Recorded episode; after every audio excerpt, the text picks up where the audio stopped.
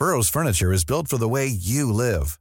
From ensuring easy assembly and disassembly to honoring highly requested new colors for their award-winning seating, they always have their customers in mind. Their modular seating is made out of durable materials to last and grow with you. And with Burrow, you always get fast, free shipping. Get up to 60% off during Burrow's Memorial Day sale at burrow.com slash ACAST. That's burrow.com slash ACAST. burrow.com slash ACAST. Då står det så här, hur ska man tänka för att våga spela sitt bästa? För mig så är grönt ljus lugnt och skönt i baslinjen. Men volley är ju för mig rött. Du vet, upp med stoppskylten. Ja, många anses ju, eh, till exempel Andy Murray, vara en klassisk pusher. Gnet, Andy i lyxfodral. Prioritera tennisen Ulrika. Oh my God. What does it take? It takes everything. Okej.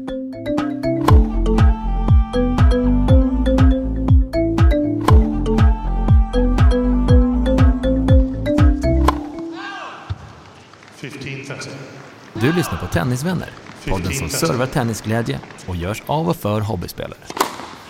15 love. Please take your seats quickly, ladies and gentlemen. Thank you. Nu är det faktiskt nog dags att börja prioritera tennisen.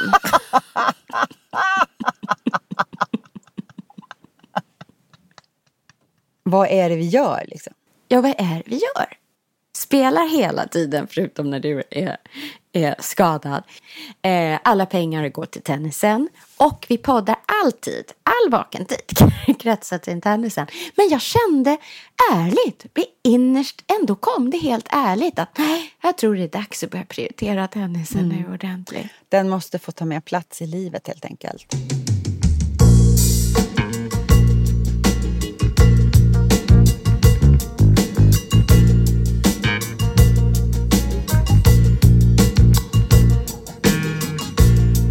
Annars så, så är det väl liksom sommarläget bara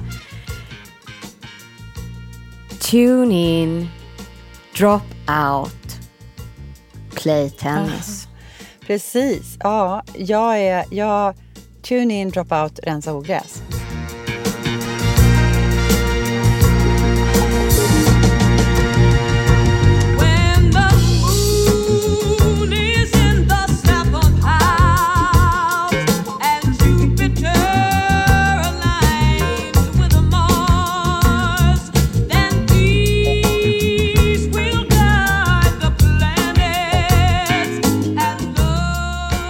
Sen har vi inte riktigt pratat om den här demontränaren, för den ska du se. Men jag, åh Ulrika, du kommer Ja, jag måste älska se den. den. Du kommer Ja, jag älska måste den. verkligen För han är ju itali- han är amerikansk italienare, han är ju som en mafioso, Du hela får inte han. säga mer nu. Jag, Jo, det kommer jag Ja. säga nu för att alla, det, in, jag kommer inte göra någon Nej. spoiler förstås, men hade ju en så fantastisk person den här tränaren som tränade Agassi och hade världens första tennisakademi. Mm. Och så sitter de och pratar, han har någon annan lirare som han gjort det här med som är lika eh, har den, jag ska inte säga att de är mafioser, men de har som den feeling. Det är lite sopranos över Okej. hela, tycker jag, över hela outlooken på de här. Han sa så här, han ska rekrytera folk också, det är stenhårt. If you ask me how much I'm gonna pay you, I fire you. If you ask me how long you're gonna work, you, I fire Okej. you. If you ask me when you have to start in the morning, I fire you. vad, vad, vad, vad, säger han om jag säger så här då? Jag är skadad. Vad säger han då? I fire you. I, I I'll kill you. you. I kill you! så passar det. Och det är liksom så här, but what does it take? Everything. Everything. What do you mean? Well, your wife, your kids, your time, your life. Okej, You have to sacrifice everything if it takes that. And I did it. okej. Härligt. Ja. Du, så jävla härligt. Så det kan jag säga, kanske Åh, det att prioritera tennisen. prioritera tennisen nu Oh Ulrika. What does it take? it takes everything. My husband, my kids, my house, my life. Bara så du vet. Tyvärr så gjorde min vana trogen så, så är jag som en hundvalp och jag känner ju mig själv i det här laget. Så nu känner jag också att man kanske inte behöver bli så himla besviken på sig själv när man gör såna här dumheter Nej. som jag gjorde den första semesterdagen på på, landet, spela två timmar ljuvlig tennis. Eh, alltså verkligen helt, helt, vad ska jag säga, motståndslös tennis. Eh, När jag kände att jag var i en, i, i någon form av flow som gjorde att jag, liksom, jag blev korrigerad, jag hittade det som Melke menade och jag slår och det funkar så bra. Alltså jag spelade helt fantastisk tennis. Det var så härligt. Jag, jag flög hem på vingar. Sen kommer syrran och säger så här, vet du vad, jag ska ut och jogga, ska inte få hakan på. Självklart, självklart. Är helt överlycklig, jajamän. Absolut, inga problem. Såklart. Vi tar skogsrundan och jag drar upp vaden. Igen. Och, men det jag tänker på det är att man liksom tappar huvudet när allt går bra. Och det är ju faktiskt så, så det är. Alltså vi har ju faktiskt eh, vi har ju eh, påminn alla våra lyssnare om att vi faktiskt har det här samarbetet med Matchcoach. Eh, och det fortsätter att komma in frågor. Exakt, så stod jag på tennisbanan här om kvällen och så var det någon som frågade en sak och så hör man kvinnan eh, vid baslinjen. Ring matchcoachen! Så ringer vi, ringer vi Martin och eh, ser vad han eh, svarar. ja, det gör vi.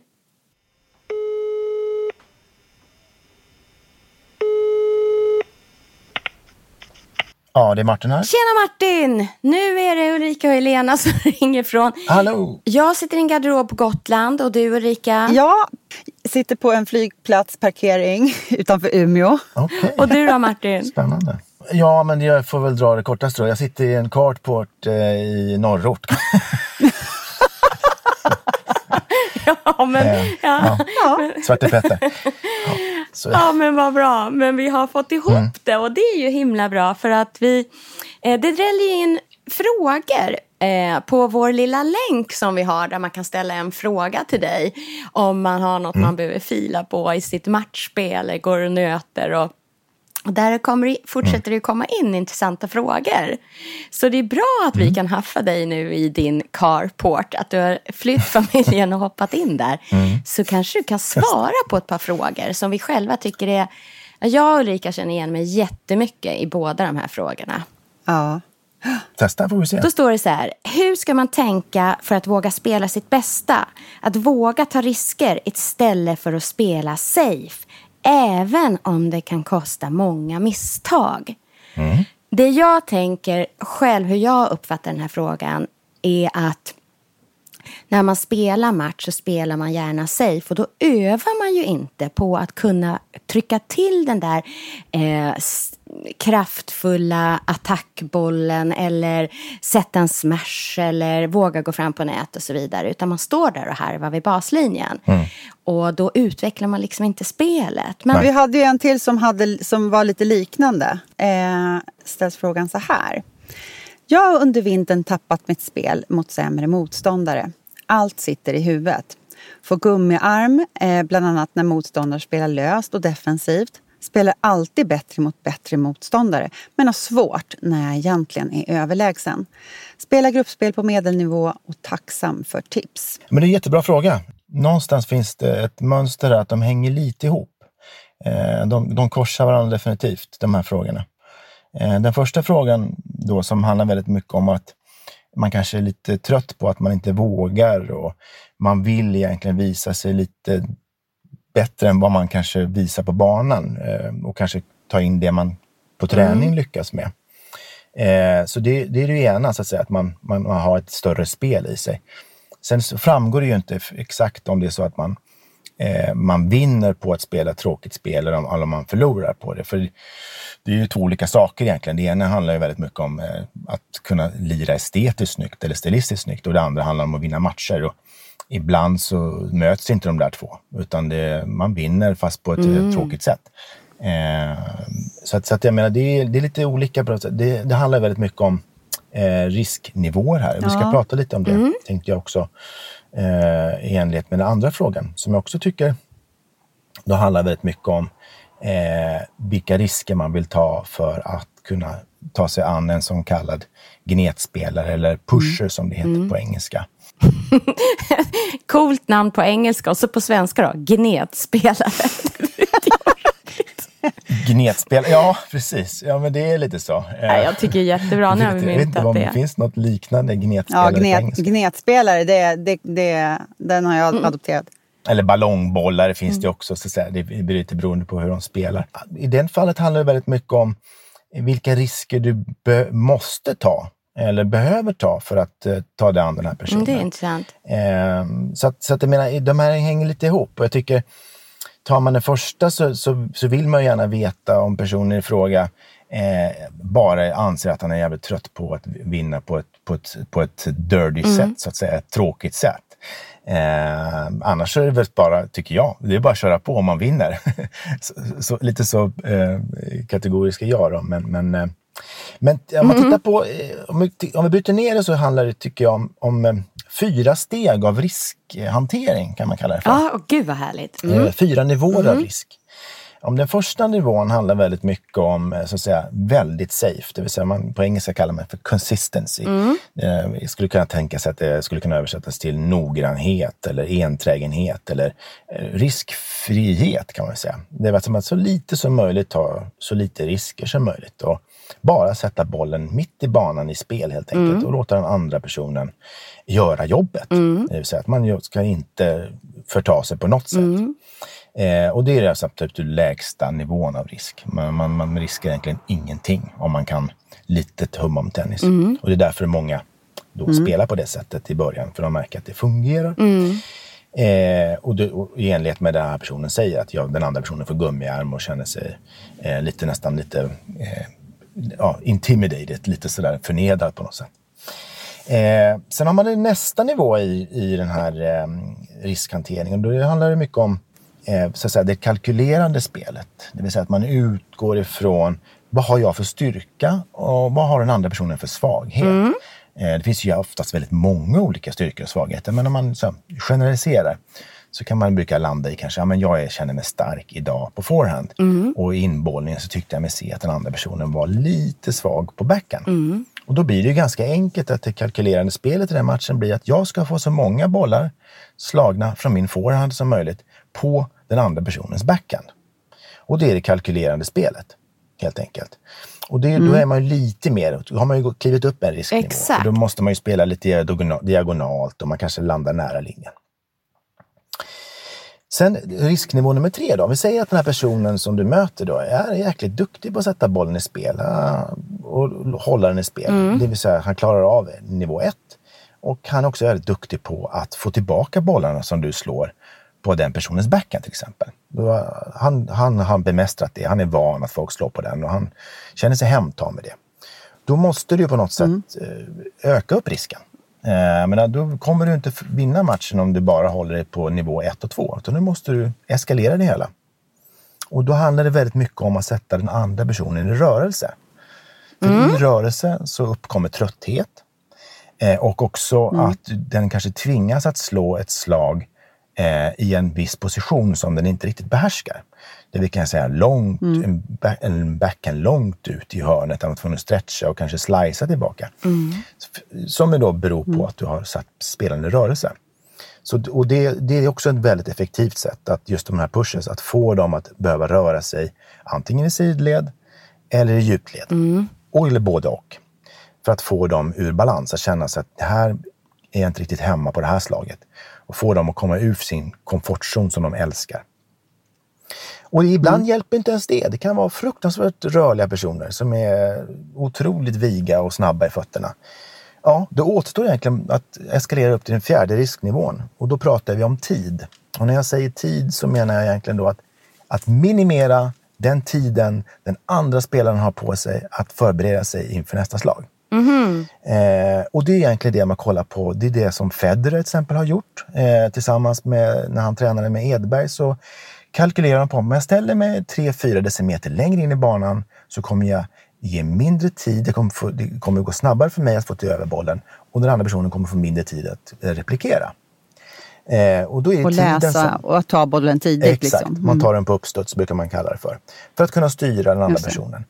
Och det är egentligen det man behöver göra om man möter en person eh, som är en pusher, det vill säga en gnetspelare som behärskar noggrannhet, som behärskar eh, sin svaghet och som behärskar eh, eh, rörligheten så att säga. Då måste du minimera tiden. Och det är det, enda du, det är det enda du kan göra egentligen. Sen kan du göra konstlag så att säga, men då riskar du själv väldigt, väldigt mycket. Och det är det man vill få bort, eh, att riska sig själv. Bara för att den andra inte vill riskera någonting. Så Alltså det här är så intressant tycker jag. Eh, för det är, liksom, det är lite som att man, att, att man ställer en fråga till dig utifrån sin egen känsla och du svarar på eh, precis samma fråga fast egentligen ur motståndarperspektivet. Och det, här, det är det här tror jag som är också lite lösningen i- hur man ska släppa sin eh, s- släppa sitt spel lite grann och, och bli mer avslappnad i, i matchsituationen. Eh, för, för jag tycker också det här, det speglar lite i båda frågorna upplever jag, eller så som jag läser den kan jag, kanske jag ska säga. Är den här, hur ska jag våga satsa i, i match eh, och, och sluta spela safe? Eh, och den andra frågan var, det sitter i mitt huvud, jag spelar så mycket bättre när jag spelar mot bättre motstånd. Eh, men, men eh, spelar sämre och blir frustrerad när jag möter sämre motstånd och spelar Ja. sämre. Och där tänker jag liksom att då är man ju också väldigt mycket i händerna på, eh, på, på motståndaren. Och, och att man kanske också känner då att man är stel, man är nervös, man vet att man borde kunna ta den här motståndaren. Eh, men men det, det, det funkar inte. Och det är väl där, där frustrationen någonstans sitter. Man tänker så här att jag, nu ska jag styra bollen men jag är för stel, jag är för, eh, jag är för eh, vad ska jag säga, överspänd. Eh, och, och, och, och så blir man ännu mer spänd när man känner att nu ska jag sätta den ena handen, nu ska jag bara liksom, eh, nu ska jag styra bollen som jag vill och så kommer den, o- hur man än Just gör, det, så kommer precis. mitten. Och där ökar nervositeten och där ökar också spänningen och man spelar automatiskt sämre. Absolut. okej, då, de här nivåerna som du har lagt upp, de här fyra nivåerna nu, visar ju vad man ska göra när. Och eh, då landade vi nästan i den fjärde nivån när du spelar mot en sån här gnetspelare, att du ska ta den på uppstund och minimera tiden om jag uppfattade det rätt. Absolut. Om man ska vara ärlig så tycker jag att den här gnetspelaren eller pushen eh, ska förtjäna lika mycket respekt som vilken motståndare som helst. Jag tror att många när de går in i en match att de faktiskt inte respekterar spelarna lika bra som man gör kanske till någon som spelar väldigt Nej. mycket. Jag menar all court Att det är lite play skämmigt att vara en sån där ballongbollspelare. Lite skämmigt Mm. att vara en sån där. Och jag tror att man, man, man gör, går ett misstag tror jag, när man går in och säger att här, den här pers- personen borde jag slå. Mm. Eh, Det är ju bara en spelartyp. Det finns inget som säger att du borde slå spelaren alls. Eh, Du måste visa respekt för, för motståndaren oavsett spelnivå tror jag. Och tittar man på världseliten liksom, så, så av många anses ju eh, till exempel Andy Murray vara en klassisk pusher. Mm. Det är bara att han är draperad i lite lyxigare fodral. I Gnet, någon mening. Andy Ja, men lyxfodral. han är det. Eh, Men du Martin, innan vi lägger på. Demontränaren, har du sett den? Ja, absolut. Det är ju fantastiskt. eh, Ja, det är alltid kul överhuvudtaget att det finns att det görs program om tennis överhuvudtaget. Man är så svältfödd. känns det som. ja. Eh, Men det är fantastiskt roligt. Eh, Och jag, jag, kan, jag kan på något sätt eh, både känna kärlek och, och viss, viss form av förundran över den här Nick Bollettieri såklart. Men man får inte ta ifrån honom. Han har ju lyckats. Han har ju verkligen lyckats bättre än många andra som tränare. Ja. Men med kanske lite annorlunda medel. Tränarstilen, eh, skulle den, liksom finns den idag? Han var ju väldigt, om man ska summera det, extremt hård och tuff mot de här. eh, Men samtidigt som någon form av pappafigur. Eller hur skulle du liksom definiera hans tränarstil? han hade väl egentligen problemet som han hade. Han hade för mycket spelare inne eh, på sin akademi för att egentligen kunna leverera eh, den kvalitet som han då eh, ville till alla. För han, det vart ju nästan som en eh, familjerelation. Alltså far och son eller eh, far och dotter i, i det här fallet. Och man kan inte ha för många barn, det går ju inte. Nej. Väldigt bra dokumentär. Så, men jag är kluven om jag tycker att han är fantastisk eller om han är en skitstövel faktiskt. Men eh, det, Man kan nog vara bägge och. Det är det som är fascinerande med människan. Ja, vad härligt, vad bra. Men vilka bra Tack, Martin. svar det här var. ja, kul. Vad sa du Ulrika? Ja, fantastiskt matigt. Härligt. Mycket bra. Det här kan man använda sig av. Bra, men ha en härlig dag Martin. Detsamma. Vi hörs vidare. Ja, det gör vi. Hej, hej.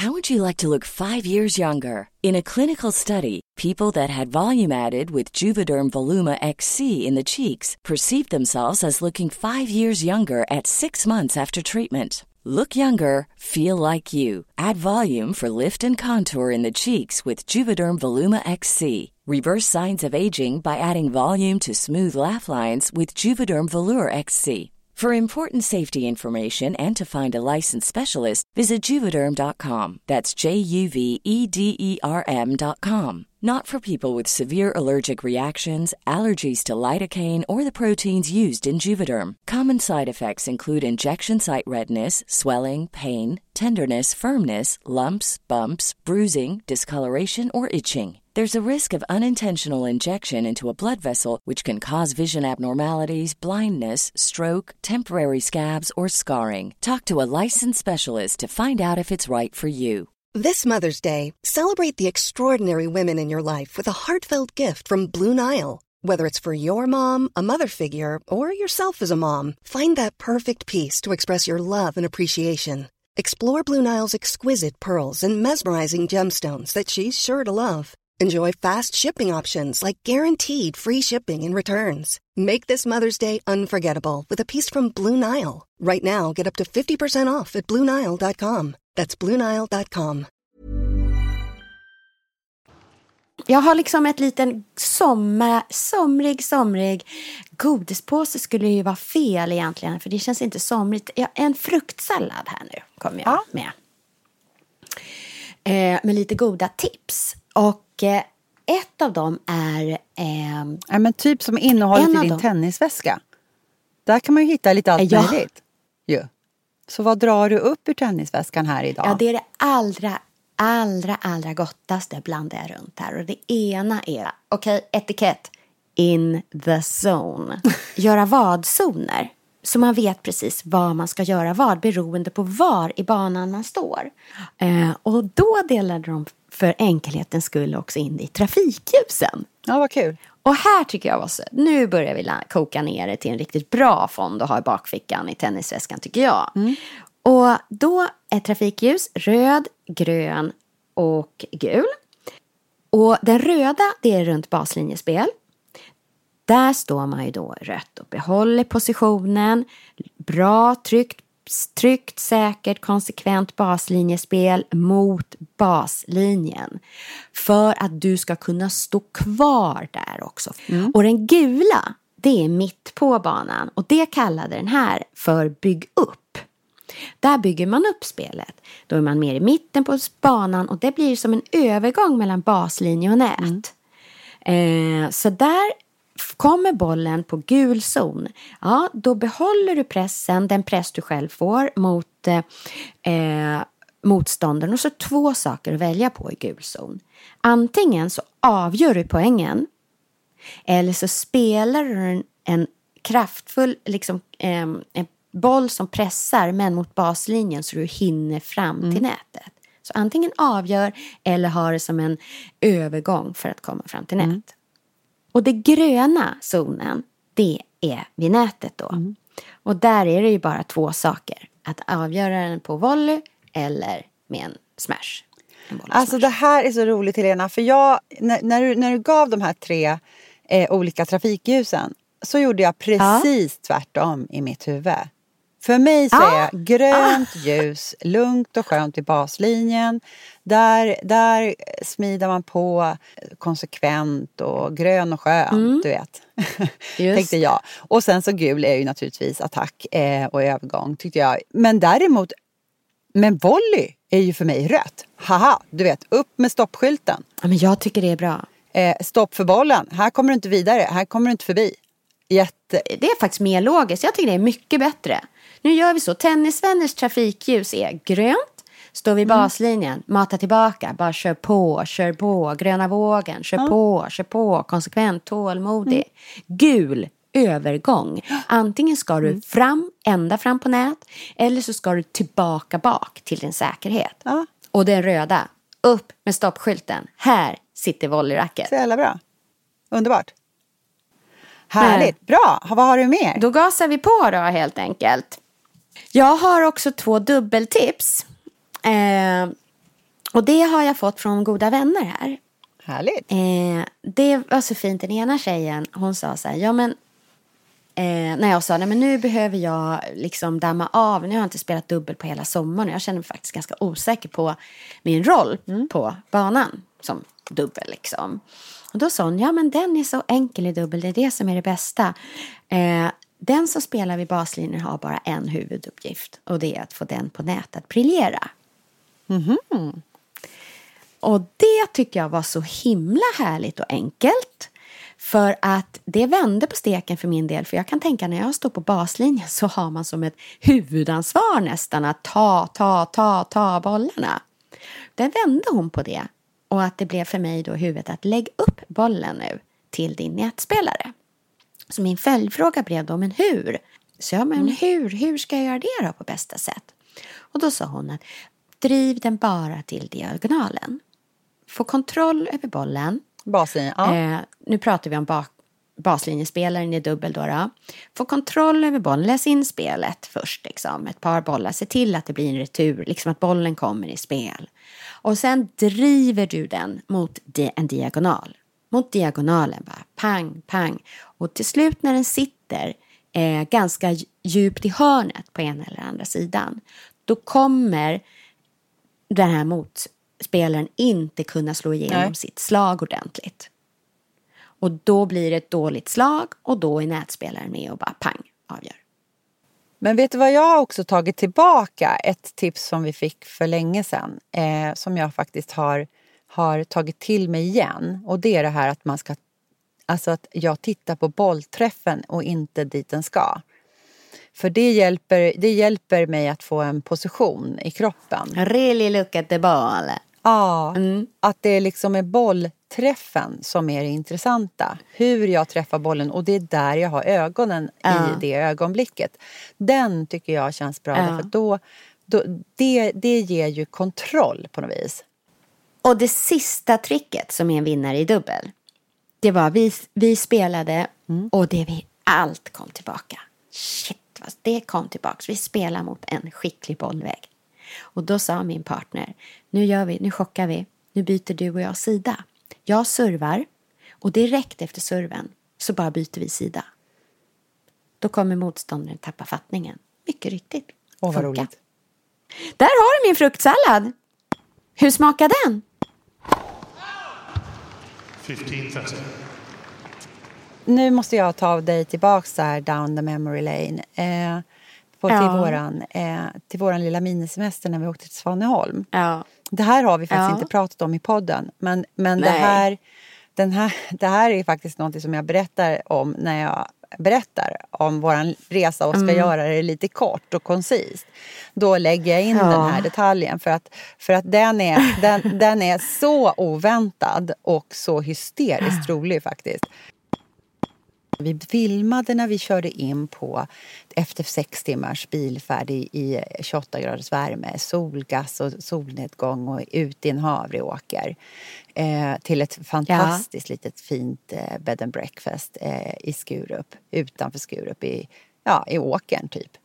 Eh, och så eh, står värden där och välkomnar oss och vi får kramar och, och han är så härlig. det var lite Och- märkligt att kramas Ja, precis. Fast det tänkte inte jag så mycket på då. Utan jag bara, men Nej. gud, här är vi liksom familjära och, och sådär. Eh, och, och det är liksom, ja men man märkte att det var liksom, ha, våran värld hade mycket att berätta och vi var ju ganska trötta och ville egentligen bara liksom checka in och bli klara. Men, men, men det var ändå liksom en rundvisning och hur saker och ting fungerade. Det var väldigt tydliga liksom, skyltar och sådär eh, på vad saker, vad saker och ting skulle vara. Ja. Men sen så under den här helgen, vi var ju där mellan eh, torsdag till lördag. Ja. Bed and breakfast-delen var som en flygel, som en gammal ladugård kan man säga. Jag tror att vi bodde i svinstian. Eh, så det var ju ingenting som satt fast i huset. Eller vi bodde ju liksom inte inneboende så. Utan det var som en, en uthusdel. Ja. Eh, och där var även kök. Så man, man, man kunde ju känna att man var liksom lite privat och, och inte störde någon. så. Men varje gång vi gick utanför dörren Ja. Så noterade vi att våran värd aldrig var mer än tre steg bort. Hej hej, så lite som gubben i lådan. Så här, hej hej, har, Ja. hittar ni allt? Hittar Ja. ni allt? Ja, ja, Ja. jag ville bara kolla så att ni hade allting och allt var, Mm. var, var, var bra och ingenting konstigt och allt det där. Liksom. Och det var ju härligt, Nej. men det var ju lite sådär som man fick känslan av Finns det en kamera Ja, men här hur någonstans? ser han det här? Ja, Ja, eh, ja. Ja, lite grann. Och, och faktiskt någon gång på kvällen till slut när jag gick ut så satte jag bara på mobillampan, ficklampan. Jag ville inte tända ljuset. nej, för att du ville inte... För att vi var lite trötta det- också. Man orkar ju liksom i- Ville inte stå och Nej, prata. och självklart så, så, så fort vi hade satt oss och skulle äta så kom ju han och kollade läget och sådär. I badbrallor. Det här var väl en känsla som växte lite hos oss. Att vi liksom, han är här. Det är vi, vi är inte Ja. ensamma. Ja. Och vi blev liksom lite mer och mer tillknäppta ju. Ja, vi blev också lite mer privata desto, ju, ju längre tiden gick. Sen så var vi också nervösa. Vi, vi hade ju en, sista dagen hade vi ju en, en intervju med Villander. Så att jag menar, vi var ju, Mm. vi var ju lite på tå där också. Men sen när, jag, när vi hade kört hela vägen hem, jag sitter vid frukostbordet eh, och ska till jobbet eh, på måndagen, så tänker jag ändå att jag drar en googling på det här bed and breakfast. När vi har kommit hem, när allt det här ligger bakom oss, då lägger jag ut namnet på den här bed and breakfast och han, världens namn. Ja, och det var en googling bort då, då, Helena. Vi har bott två nätter i, på Nordens enda nudist bed and breakfast. Alltså, alltså, alltså det komiska i det, det är, så, det är hysteriskt. Jag tänker också hur han måste ha uppfattat oss när vi kommer glada, glada, eh, härliga. Så mycket energi kommer vi med ju såklart för att vi är så förväntansfulla och är så otroligt lyckliga och vi, vi sprider lovord och vi älskar det här stället och vi är fullständigt bara lovebombare. Och jag tänker att han kanske då tänker att när tar de av sig kläderna? Ja men precis, då vill ju han vara med. Ja. Åh, men Och se men det. gud. Alltså, och då har han träffat... Jag är ju, jag är ju den prydaste. Jag blir ju liksom generad bara liksom... Ja, men alltså nej, jag kan inte ens tänka tanken. Det var jag som bokade.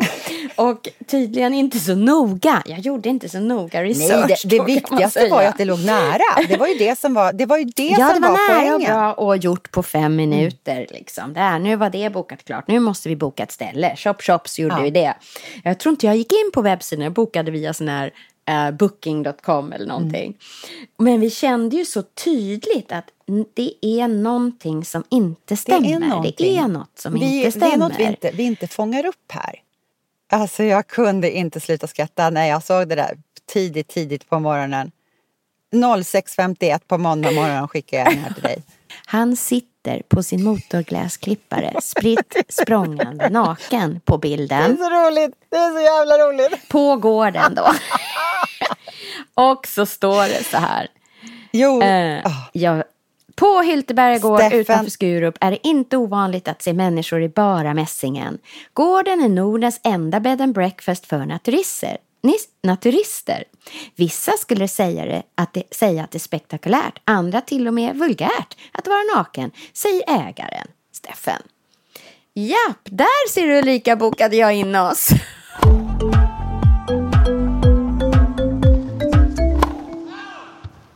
ska vi ta dagens smash så vi inte glömmer den? Ulrika, jag tror att det här måste bli dagens smash. Ja, berätta. sommarens smash. Och nu är det en sensommar, nu blir det sensommarens smash. Men dagens smash är... Kastar man in lite engagemang och kärlek så får man så mycket tillbaka. Baka en kaka. Gör en termos kaffe. Skicka ett mail eller Facebook Messenger till några tennisspelande kompisar i, i bygden. Dra ihop en spontan tennisturnering. Det gjorde vi och det var så himla lyckat. Liten insats, mycket, Liten insats, mycket. mycket tillbaka. Precis. Då la vi upp det, vi bokade två banor. Eh, vi blev sex till slut på banan. Vi spelade singelmatcher, 20 minuter vardera, plus fem minuter inbollning och lite lottning. Eh, alla, istället för att ha någon form av trappa där man, någon åker ut den första omgången, så gjorde vi sonika så att alla spelade tre matcher var. Och så räknade man sina vunna gem. De två med mest och näst mest vunna gem möttes i en final. Ja, men helt underbart. Ja, tog med ett litet flaggspel som ändå hängde på verandan. Eh, bakade, dottern bakade en äppelkaka, någon tog med lite vatten. Vi köpte en liten guldleksakspokal på lokala affären. roligt. Och lite musik, en sån här strandhögtalare med. Kul. Någon hade skramlat ihop och tagit med sig en flaska bubbel till vinst också. Men hur lång tid tog det då? 9 till 12 Ja, det var inte längre. spelade vi. Nej, Gud vad roligt. enkel härlig sommarlek. Ja, Sen kan man åka och bada. ja, ja, ja. Så det var, är en rolig smash. Och jag adderar en liten sak. För jag hade en middag här också. Där vi gjorde en tipsrunda. Det är ju inte det mest ovanliga. Eh, att göra en tipsrunda. Men vi gjorde en tipsrunda som bara hade att göra med så här, anekdoter inom släkten. För det var liksom lite kusiner och lite eh, syskon och svägerskor och sånt där på middag här. Och det blev ju väldigt roligt för det blev så roliga samtal Gud vad kul. när de här anekdoterna flöt upp.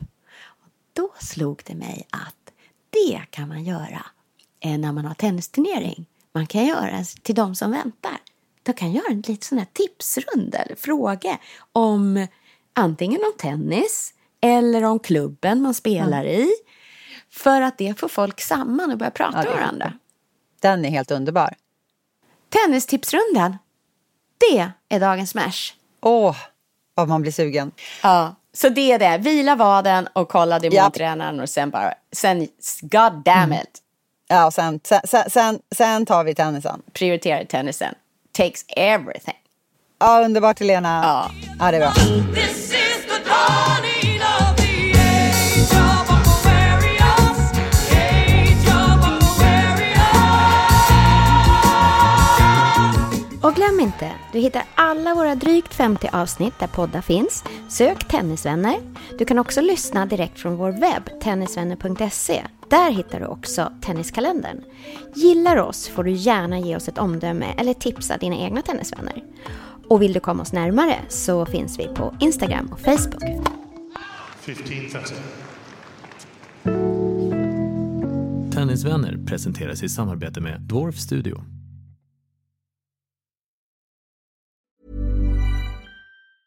Mom deserves the best, and there's no better place to shop for Mother's Day than Whole Foods Market. They're your destination for unbeatable savings, from premium gifts to show-stopping flowers and irresistible desserts. Start by saving 33% with Prime on all body care and candles. Then get a 15-stem bunch of tulips for just $9.99 each with Prime. Round out Mom's menu with festive rosé, irresistible berry chantilly cake, and more special treats. Come celebrate Mother's Day at Whole Foods Market.